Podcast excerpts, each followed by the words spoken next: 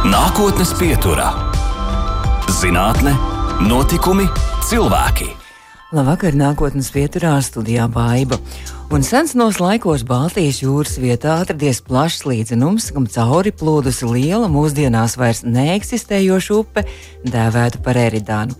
Vēlāk, vairākos ledus laikmetos, ledus kustības rezultātā Eridanas upes ielēja tikusi paplašināta un padziļināta, pārvēršot to jūras gultnē. Pirms apmēram 130-115 tūkstošiem gadu tagadējās Baltijas jūras vietā eksistējusi Ēmas jūra, bet kopš pēdējā ledus laikmeta beigām Baltijas jūras baseinā vairāk kārt notikušas būtiskas izmaiņas. No ledus masas atbrīvotā zemes garoza cēlsies uz augšu un tā rezultātā tagadējā Baltijas jūra brīžiem bijusi atdalīta no pārējā pasaules okeāna un kļūst par ezeru. Baltijas ledus ezers eksistējis apmēram pirms 12,000 vai 10,000 gadu. Pēc tam bija Joldijas jūra, Ancilus ezers, Litorīnas jūra, bet eh, pēc Litorīnas jūra mūsdienās Baltijas jūra pastāv pēdējos 4,5 gadus. Par to, kāda procesa šobrīd norisinās Baltijas jūras ekosistēmā, kādas mazas un neredzamas būtnes tajā mitinās un kā tām klājas, cik lielā mērā jūras vidi ietekmē plasmas piesārņojumu iespējams un svešu zemju viesi, un vai tajā joprojām sastopam arī kādi ledus laikmeta liecinieki. Nākotnes pieturā uzzināsim no Latvijas Hidroekoloģijas institūta vadošās pētnieces un hidrobioloģijas laboratorijas vadītājas Solvitas Strāķis. Labvakar, Solvita! Labvakar! Un daudz laimes vakardienas dzimšanas dienā! Paldies! Runājot par jūsu darbu, tad eh, tā liekas, ka no laboratorijā, laboratorijā tad sēž tur baltos halātiņos un, un, un, un tā ļoti smalka un tīra viss ir. Bet es saprotu, ka, lai cik jūs sievišķīgi būtu, nesat, jūs tomēr, eh, jūs tomēr diezgan ilgu laiku arī pavadat un daudzi, vismaz vasaras periodā, droši vien arī tajos skarbajos apstākļos uz jūras. Jā, Jā šogad ir īpaši bieži.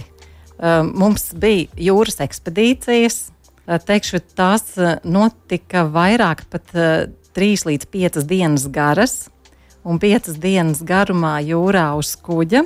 Šad tad mēdz būt diezgan skarbi. Tā kā mums Latvijai tiek identificētas jaunas aizsargājamās jūras teritorijas, tad mūsu ekspedīcijas ir saistītas ar braukšanu atklātajā Baltijas jūras daļā, ekskluzīvajā ekonomiskajā zonā, kur mēs veicam šo video novērošanu.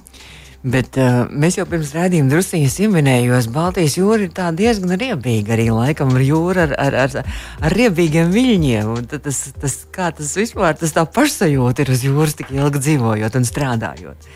Nu, godīgi sakot, ir tā, ka tad, kad ir vējš, tad tiešām Baltijas jūras viļņi salīdzinot ar citu jūru viļņiem ir tādi īsi un asi. Mm -hmm. To arī uh, apgalvo daudzi jūrnieki, kas kuģojuši Baltijas jūrā un šeit arī tirzniecības kuģu, kad brauc Rīgas ostā. Mm. Ka tie viļņi ir tādi īsi asi un līdz ar to nu, grūtāk varbūt drusku izturami. Bet, protams, arī mēs, līdzīgi jau kā varbūt jāsaka atpūtnieki, mēs meklējam tomēr labus laikapstākļus.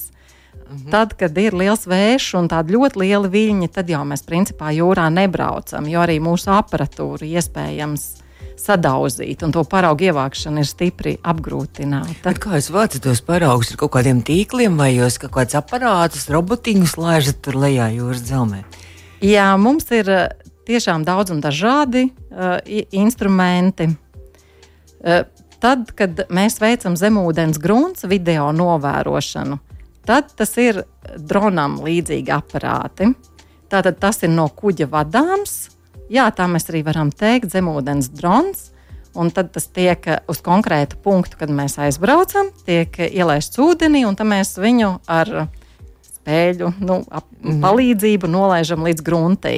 Tad arī nofilmējam noteikta laukuma uh, grunts virsmu. Uh, Un tad šīs video filmas tiek saglabātas aparatūrā. Un tad, tad vēlāk, braucot mājās un laboratorijā, oficiālā, tad arī tās tiek analizētas. Nu, tur jau ir kaut kāds paraugs, jūs ievācat tieši arī kaut kādos planktona organismus, kas bija arī jūsu laikam disertācijas arī tēma savulaik. Jā. jā, papildus ir tā, ka šobrīd es izstāstīju par zemūdens mm. grunti. Arī tad, ja mēs uh, ievācam paraugus, tad tur tiek ievākta arī īpaši ļoti lielu kausu vai arī zemūdens nirēji. Bet uh, es pati nenirstu, ah. tur man kolēģi tā kā nirst.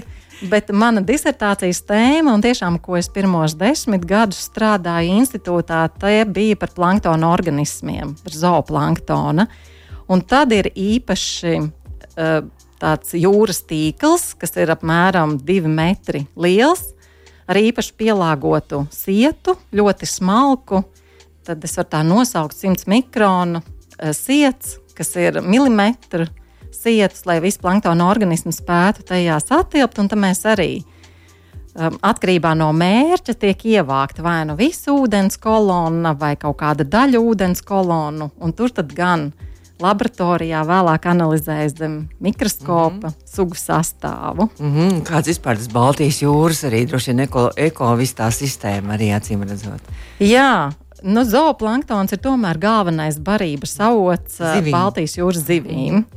Un līdz ar to tas sugu sastāvs jau mainās. It īpaši tagad, kad nu, varētu arī sasaistīt kopā ar klimata pasiltināšanās, tā nelielā temperatūra un arī Baltijas jūras sezonalitāte, kas ir ziema, vasara, rudens. Mēs arī varam novērot, ka planktona organismiem ir vairākas paudzes gadā. Ir planktona sugas, kurām ir tikai viena paudze gadā. Tad uh, tās ziemā um, veido tādas saucamās ilgolas, kuras krīt uz grunts, un tad no tām izšķiļās mazuļi atkal pavasarī. Un tad viss tāda aprite. Es varbūt varu minēt, ka viens no tādiem ārkārtīgi, manuprāt, interesantiem tematiem, ko es arī apskatīju disertācijā, un tas ir viens no retajiem, ko es vēlāk arī konferencēs esmu dzirdējis pieminam, ir, kad zooplanktonam arī ir tātad viņš čurā un kakā jūrā. Un eh, es skatījos, kā atkarībā no apēstā fitoplanktona daudzuma, kā šīs peletes, ko mēs saucam, cik ātri tās grimst jūrā, cik ātri tās izšķīst, un atkal atbrīvojās slāpeklis fosfors tajā esošajā, un atkal barības vielas, kas tiek patērētas citiem organismiem. Bet tas, tas zooplanktons, cik liels ir? Tas, tas ir, nu, milimetrs, divi milimetri, trīs milimetri. Nu, tas ir tāds, jā, ir iespējams ar aci drusku redzēt, jo mm. zooplanktons agrāk vismaz bija zivju. Veika, zoo veikalā zivju barības bāzi varēja nopirkt ah. dzīvu. Ah. Un tad ar litru iesmēla, un tad uh, cilvēkiem deva, un tad baroja zivis. Bet tagad gan man liekas, ka tikai kaltētā veidā. Bet šobrīd jums arī viens no aktuālajiem projektiem, tas Life Reef? Ja?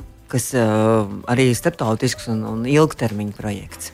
Jā, tas ir Life programmas projekts, kurā jau drusku jau pieminēju, kurā galvenais mērķis ir identificēt tādas īpaši nozīmīgas zemūdens vietas, kur varētu būt jaunas aizsargājamas jūras teritorijas. Jo šobrīd Latvijai ir septiņas aizsargājamās jūras teritorijas, bet tās visas ir piekrastes mm -hmm. teritorijas. Nu, piekrastes ne tādā nozīmē, ka varbūt krastā, bet jūrā, šajos te teritoriālajos ūdeņos, seklos. Bet arī pašā dziļumā, kur dziļums jau ir 30, 40 metri, ir teritorijas, kuras ir ļoti bagātīgas gliemeņu audzes, un īpaši šī struktūra kas um, varētu klasificēties kā jaunas aizsargājamas teritorijas. Un tāpēc mums ir šis Life Reef projekts. Bet tas ir diezgan daudz, laikam, priekš Baltijas jūras ir septiņas aizsargājamās teritorijas. Tad mūsu jūra ir ne tikai piesārņota, bet arī ļoti vērtīga. Tā gan ir, jā, jo ir mērķis, ka um, tie ir arī tādi jau globālāki mērķi, ka tiek plānots līdz 30% no Baltijas jūras platības, vai nu katrai valstī piekrītošiem ūdeņiem būtu jābūt kā aizsardzības kādā statusā. Tās, protams, var būt dažādas. Tām nav jābūt tieši Natūra 2000 teritorijām, bet tie var būt gan dabas parki, gan varbūt nacionālas nozīmes aizsargājamas teritorijas nu, vai arī tajā Natūra 2000 tīklā iekļautas teritorijas. Bet ko nozīmē aizsargājums teritorijas? Tas nozīmē, ko tur nedrīkst darīt. Tur nedrīkst peldēties, tur nedrīkst kuģot, tur nedrīkst zivis ķert. Nu šobrīd vienīgā aizliegtā, tāda tiešām patiešām īsta aizliegtā darbība, kas ir mums šajās teritorijās, šie vēja parku uh, celšana tomēr varētu būt ierobežota. Šobrīd ir aktuāli. Jā, es arī piekrītu. Bet tajā pašā laikā varbūt to nevajag uztvērt tik viennozīmīgi, jo tagad uh, tie koncepti jaunie parādās to, ka gan vēja parki, gan aizsargājumās jūras teritorijas, gan arī šie dažādi zvejniecības um, pasākumi var savstarpēji tikt savienoti. Un tur ir iespējams dažādas gan konfigurācijas, gan um, lieluma, platības ziņā esoši, piem, un tādi piemēri eksistē arī pasaulē. Es domāju, ka Baltijas jūrā tas varētu būt viens no virzieniem, kur varētu virzīties. Vai jūs šajā projektā arī monitorējat teikt, arī piesārņojumu, jo Baltijas jūra laikam skaitās arī viena no piesārņotākajām jūrām pasaulē? Jā, diemžēl. diemžēl tā ir, jo tāpēc, kad um, eitrofikācija tā vēl joprojām tiek uzskatīta par galveno nu, problēmu Baltijas jūrai. Tas ir, ka Baltijas jūra ir pārbarota, jā? Jā, ar slāpekli un fosforu. Un, un tas ir ārkārtīgi interesanti, kā mēs arī esam diskutējuši, ka, protams, šī problēma pastāv jau 30 gadus, nu vismaz mēs vēl runājam. Tā pašā laikā mēs vēl joprojām par šo problēmu runājam. Tātad, Te parādās tā lieta, cik grūti ir atrisināt un iegūt šo labo vides stāvokli, uz ko mēs gribētu, lai samazinātu šo slāpekļa un fosforu mm. palielināto ieplūdi Baltijas jūrā. Es patiesībā sakot, es domāju, ka mēs ar šo problēmu vēl nākamos 30, 40, 50 gadus arī būs. Un te pašā laikā es gribētu arī kā, uzsvērt, ka, nu, ka mums nevajadzētu radīt jaunas problēmas. Jo, piemēram, šī arī šī brīža aktuālā plasmasas mm. problēma un mikroplasmas tā ir jauna aktuāla problēma, kas manā skatījumā mums nevajadzēja vispār rasties, jo tā ir beidzamās desmitgades mm. problēma. Ko mēs varam darīt tajā visā lietas labā? Jā, protams, jo vairāk mēs apzināsimies, ka tā ir mūsu vērtība un ka mums tiešām nu, pats galvenais - necensties radīt jaunas problēmas un saprast, kā tagad strādāt ar šī brīža esošajām, saprast, kādi risinājumi būtu iespējami. Es domāju, ka risinājumi ir iespējami. Tie, protams, ir dārgāki. Varbūt nekā tad, ja nebūtu šī piesārņojuma mm. veida. Bet nu, man jau visvairāk gribētos, lai būtu šie preventīvie pasākumi, mm. mēs saglabātu jau to, kas ir, nevis Un, kā, un katrs no mums arī domā arī to, ka, ka mēs gribētu, lai mūsu jūra ir tīra un mēs ar to varētu lepoties. Bet par to pies, piesātināto ar uh, slāpekli ja, un fosforu, uh, kāds tam ir iemesls? Nu, diemžēl jau uh, lauksaimniecībā, kā agrāk tiek uzskatīts, tomēr tie minerāli mēslojumi, lietojumi veidi tiek uh, iepludināti. Vairāk, jā, lauksaimniecība lauksaimniecībā tie minerāli mēsli tiek lietoti vairāk nekā nepieciešams. Un sekojuši augi un tā raža nespēja visus uh, minerālu mēslus patērēt. Tikko kā ir kaut kāds atlikums, tā ar lietu tie tiek ieskaloti upē ar noteci. Protams, ka ir svarīgi, ka upēm ir šīs aizsargi joslas, kur tur esošie augi un uh, um, krūmi, koki spēj patērēt daļu. Uh, Bet, nu, diemžēl atlikums ieplūst mm. upē, un tad upēs, upes plūst uz Baltijas jūru, un tā arī mums nonāk šis palielinātais slāpekļa fosfora daudzums. Savukārt, laikam mums skābeklis un tas tīrais ūdens sāļākais iekļūst no Ziemeļjūras. Jā? Jā, taisnība, jā. tieši tā ar skābekli bagātākais mm -hmm. sāļais ūdens ieplūst no Ziemeļjūras, bet tas sākumā tātad tas ir smagāks nekā mūsu saldūdens un tas eh, nu, nu, plūst pa grunti. Un tikko tas plūst pa grunti, tā, tas ventilē šo Baltijas jūru, kurš tad veidojas šīs bezskābekļa zonas. Mm. Un izcirkulējot apkārt Baltijas jūrai, tātad tas tā kā nu, asinsvadi varētu teikt, jā, aplūst apkārt Baltijas jūrai un atkal aizplūst atpakaļ uz Ziemeļjūru. Bet uh, arī beidzamajā laikā ar klimata pārmaiņu rezultātā var redzēt, ka šīs saļā ūdens ieplūdes ir samazinājušās. Tās kļūst mazākas. Mm. Tām būtu bijis jābūt spēcīgākām. Jo tad tas vairāk palīdzētu šo Baltijas jūrai mazināt. Varbūt. Nu, cerams, ka kaut ko ļoti tālā nākotnē Baltijas jūra atkal nepārvērtīsies par ezeru un nepazudīs no zemes virsmas. Mēs turpināsim mūsu sarunu pēc brīža. Mūsu nākotnes pieturas viesiņš šodien ir Latvijas Hidroekoloģijas institūta vadošā pētniece, hidrobioloģijas laboratorijas vadītāja Solvita Strāķa. Nākotnes pieturā. Turpinām nākotnes pieturu, un šodien mūsu viesņa ir Latvijas Hidroekoloģijas institūta vadošā pētniece, hidrobioloģijas laboratorijas vadītāja Solvita Strāķa.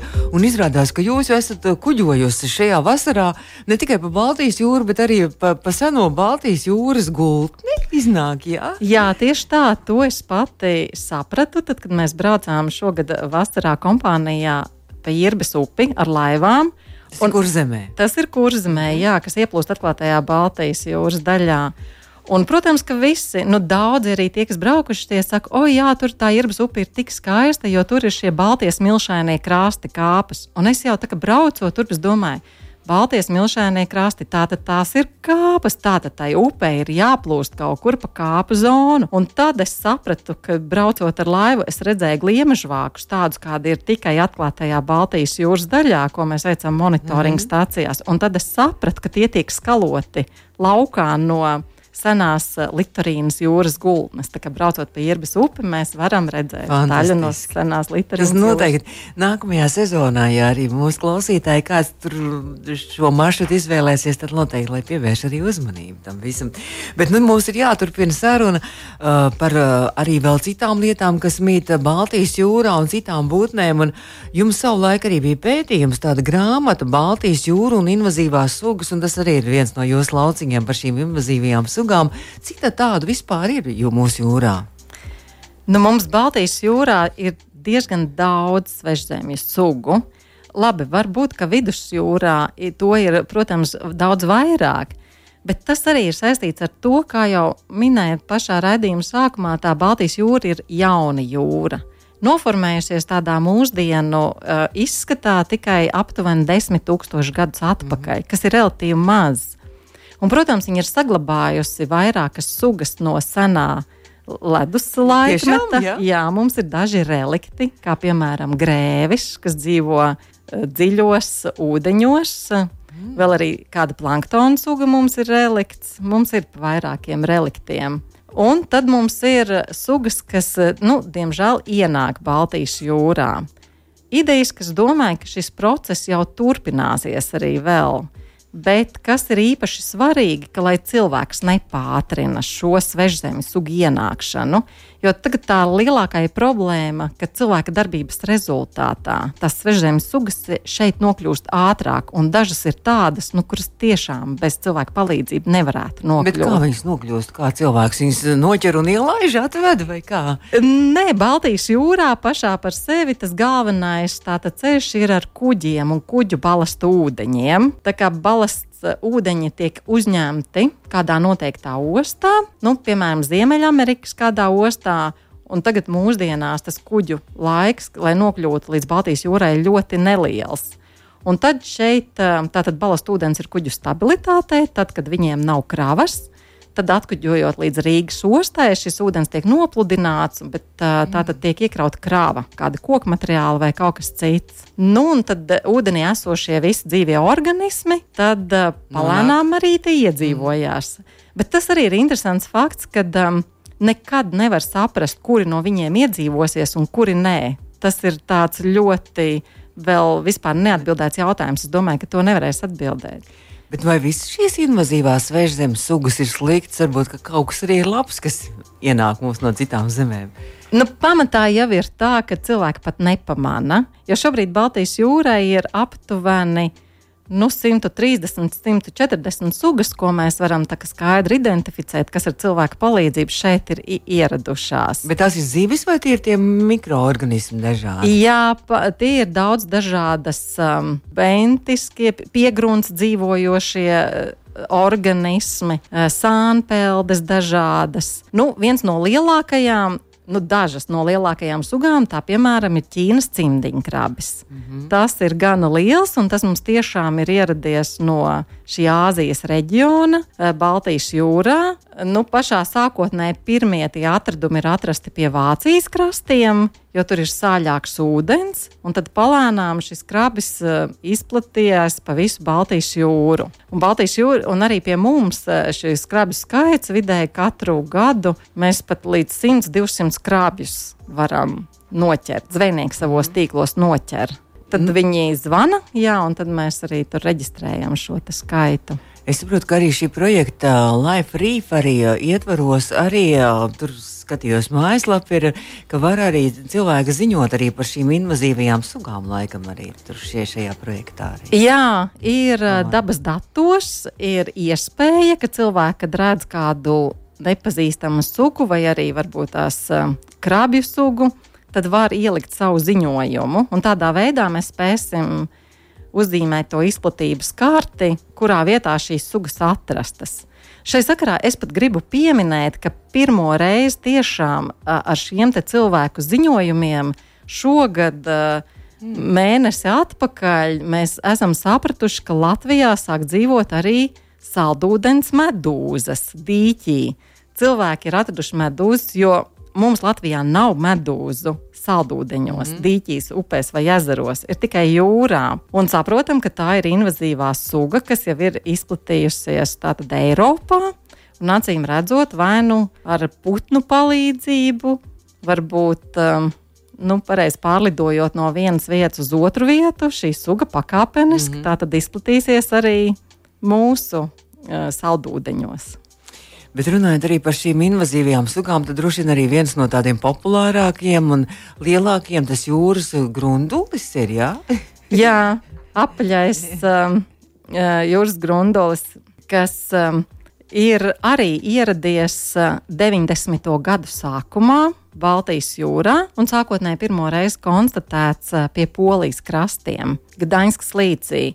Un tas arī ļoti interesanti, ka uh, daudzus gadus tika uzskatīts, ka tas ir tāds uz vietas dzīvojošs suga, nu, ka viņi nespēs tā izplatīties Baltijas jūrā. Un 20 gadus tā arī notika. Nu, un tad pēkšņi ap 2004, 5, 6 gadu pēkšņi šī suga ļoti strauji izplatījās visā Baltijas jūrā arī pie mums mm. Latvijas piekrastē. Un kāds iemesls iepatikās? Tur kaut kā barības vielas bija, vai, kas, kā, vai tas nav izpētīts? Vēl? Jā, tas ir interesants jautājums, jo tā suga nav planktoniskā. Sakoši, viņi nevar tā kā ātri mm. aizpeldēt uz citām vietām. Šobrīd atkal tiek domāts, un ģenētiskās analīzes rāda, ka ar šiem kuģu balastu ūdeņiem braukājot kuģi pa Baltijas jūru no vienas ostas uz otru, piemēram, no Gdaņskas nākot uz Rīgu vai Ventspili, acīm redzot, uzņem ūdenī arī šos ikrus vai pirmās attīstības stadijas vai kāpurs.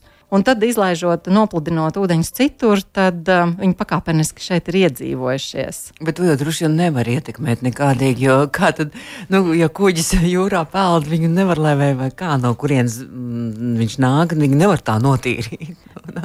Jā, nu, mums gan tagad arī, mums ir arī Baltijas jūrā ratificēta balastu ūdeņu konvencija, kas tagad oh. nosaka, ka katram kuģim ir jābūt attīrīšanas iekārtai kas tātad pirms nopludināšanas attīra šos ūdeņus no organismiem, kas ir balast ūdenī. Nu, cerams, ka tas palīdzēs un ka tas varbūt palēlinās šo sugu ienākšanu Baltijas jūrā. Un šīs invazīvās sugas droši vien arī slikti ir tas, ka tās droši vien savukārt mūsu, mūsu jūras iemītniekiem droši vien arī viņu barības vielas izmanto un arī, arī daudz ko nu, skābekli arī droši vien arī samazina. Jā, jo apaļais jūras grunduls tam tas ir tiešām tāds visēdājs. Principā visas šīs sugas, kas ienāk, tās ir ļoti plēsīgas. Un tās uh, ēda gliemenes, kas būtu barības bāze mūsu pašu plekstēm. Un tad šī konkurences apstākļos uh, mūsu zivīm kļūst mazāk pieejamas barības. Uh, protams, ka viņi kaut kā savā starpā sadzīvo, bet šīs jaunpienācējas sugas ļoti agresīvi iekarojot telpu, bieži vien arī izspiež laukā kaut kādu daļu no vietējās sugas, no to dzīves telpas.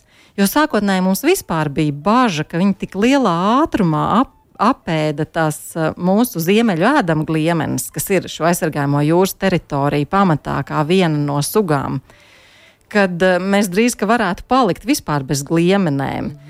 Nu, jāsaka, šeit paldies varbūt Latvijas zvejniekiem. Viņi ļoti aktīvi sāk šo apaļo jūras grunduli ķert. À, es gribēju prasīt, nozvejas, kā var, kā var cīnīties. Jā, šīs nozvejas bija tik lielas, kad jau šobrīd saka, o, kad um, tas apaļais grundulis ir tā samazinājies, ka varbūt gandrīz ka vairs jau. jau žēl paliek. jau žēl, jā. Zvejnieki arī saka, kur viņš ir, un mēs gribam tā kā vairāk zvejot. Mēs turpināsim nākotnes pieturu vēl pēc brīža, un uh, mēs turpināsim sarunu ar nākotnes pieturas viešņu Latvijas Hidroekoloģijas institūta vadošo pētnieci un hidrobioloģijas laboratorijas vadītāju Solvitu Strāģi. Nākotnes pieturā - zinātne, notikumi, cilvēki. Un mēs turpinām nākotnes pieturu šo rādījumu. Arī pēc tam varat noklausīties audio sētē būs mājaslapā un arī podkāstos lielākajās vietnēs.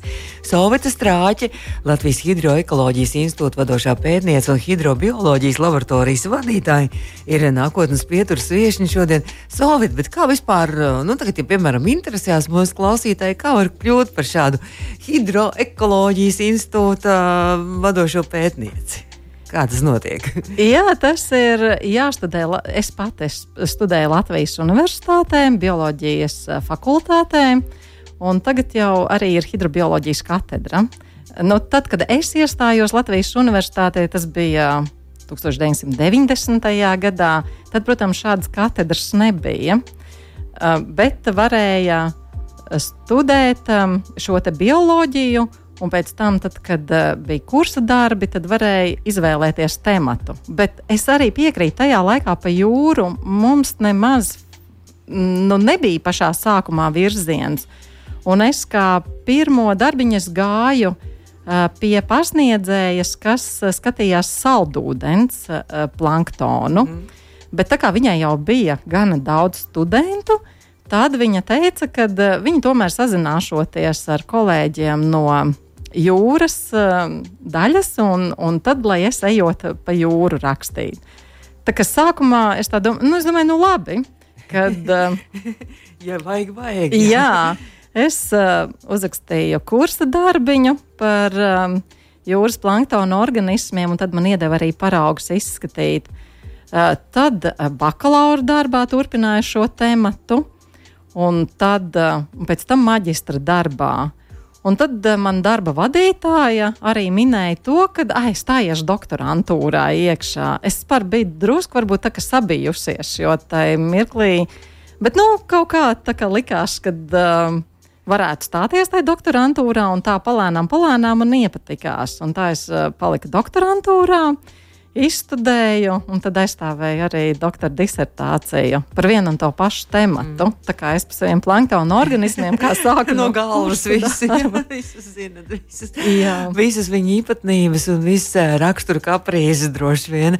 Bet um, pavisam nesen arī bija pagājušās nedēļas nogalē, bija arī zinātnieku nakts, un arī pie jums bija arī laikam tādas ļoti daudz ekskursijas un liela piekrišana pie jums arī bija jā, institūtā.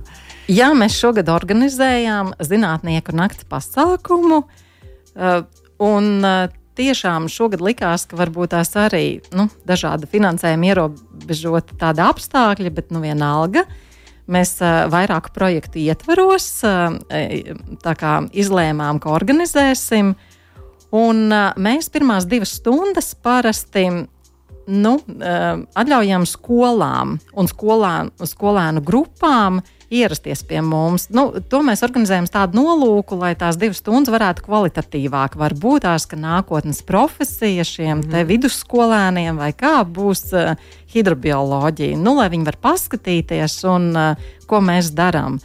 Un mums bija tiešām arī vairākas teltis organizētas. Mums bija tātad par šiem visiem grunts organismiem, mums akvārija, Tad ir telts, kur uh, ir ar piesārņojumu sadaļa, par ko mēs arī šeit runājām, un tad ir planktona organismu sadaļa. Un tad mums arī ir um, video filmas, kur mēs arī parādām, ko mēs paši esam uh, darījuši un ievākuši. Un tad mums ir aparatūra, kur katrs Ah. var iekāpt kuterī, varbūt pacelāt šo te zondi. Justies kā saprast, ir- pētnieks. Jā, uh, varbūt ar pleznās iekāpt un tā. Un tad, kad mums pieteicās skolas, mēs viņus tā kā likām pēc laikiem, lai saprastu, nu, teiksim, jo mums varbūt tās vietas ar drusku tā varētu būt ierobežotas. Un tās mums skolas saka, jā, mēs kādas 40 minūtes tur pavadīsim, un mums vēl. Un tagad, kad skolas atbrauc, mēs saprotam, ka viņš šeit pavada divas stundas. Un un tas skolotājs iet. saka, Vai es nevaru nemaz tos bērnus atpakaļ savākt? Tā īstenībā ļoti aizraujoši ir tas jūsu darbs. Vismaz tā izskatās, tā, tie, kas ekskursijās ierodas. Jā, jā, un arī apmeklētāji teica, ka esot bijis ļoti kvalitatīvi, un viņiem esot ļoti paticis. Mm -hmm. Mums gan bija viena interesanta lieta, kad mēs arī vēlējāmies šīs zinātnīs nakts ietvaros parādīt luminiscējošo planktona aļģes, kas Baltijas jūrai nav raksturīgi. Tās ir silto zemju aļģes. Un mēs tās bijām speciāli pasūtījuši. Mums viena kolēģe no Amerikas, labi, mums jau ar pasūtījumu jau tur diezgan tā raibi gāja. Viņi saka, nē, nē, nē, mēs taču tik tālu uz Eiropu nekad tādas neesam sūtījuši. Jo tur jau jāskatās, vai viņas izdzīvos, tur Jā, noteikts jā. tāds laika periods.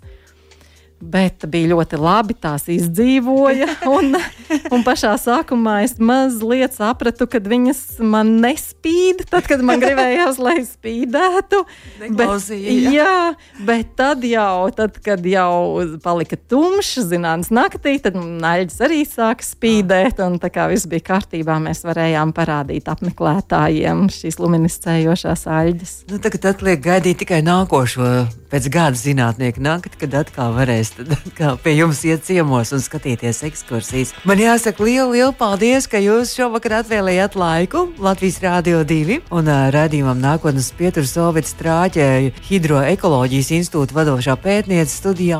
Paldies! Paldies!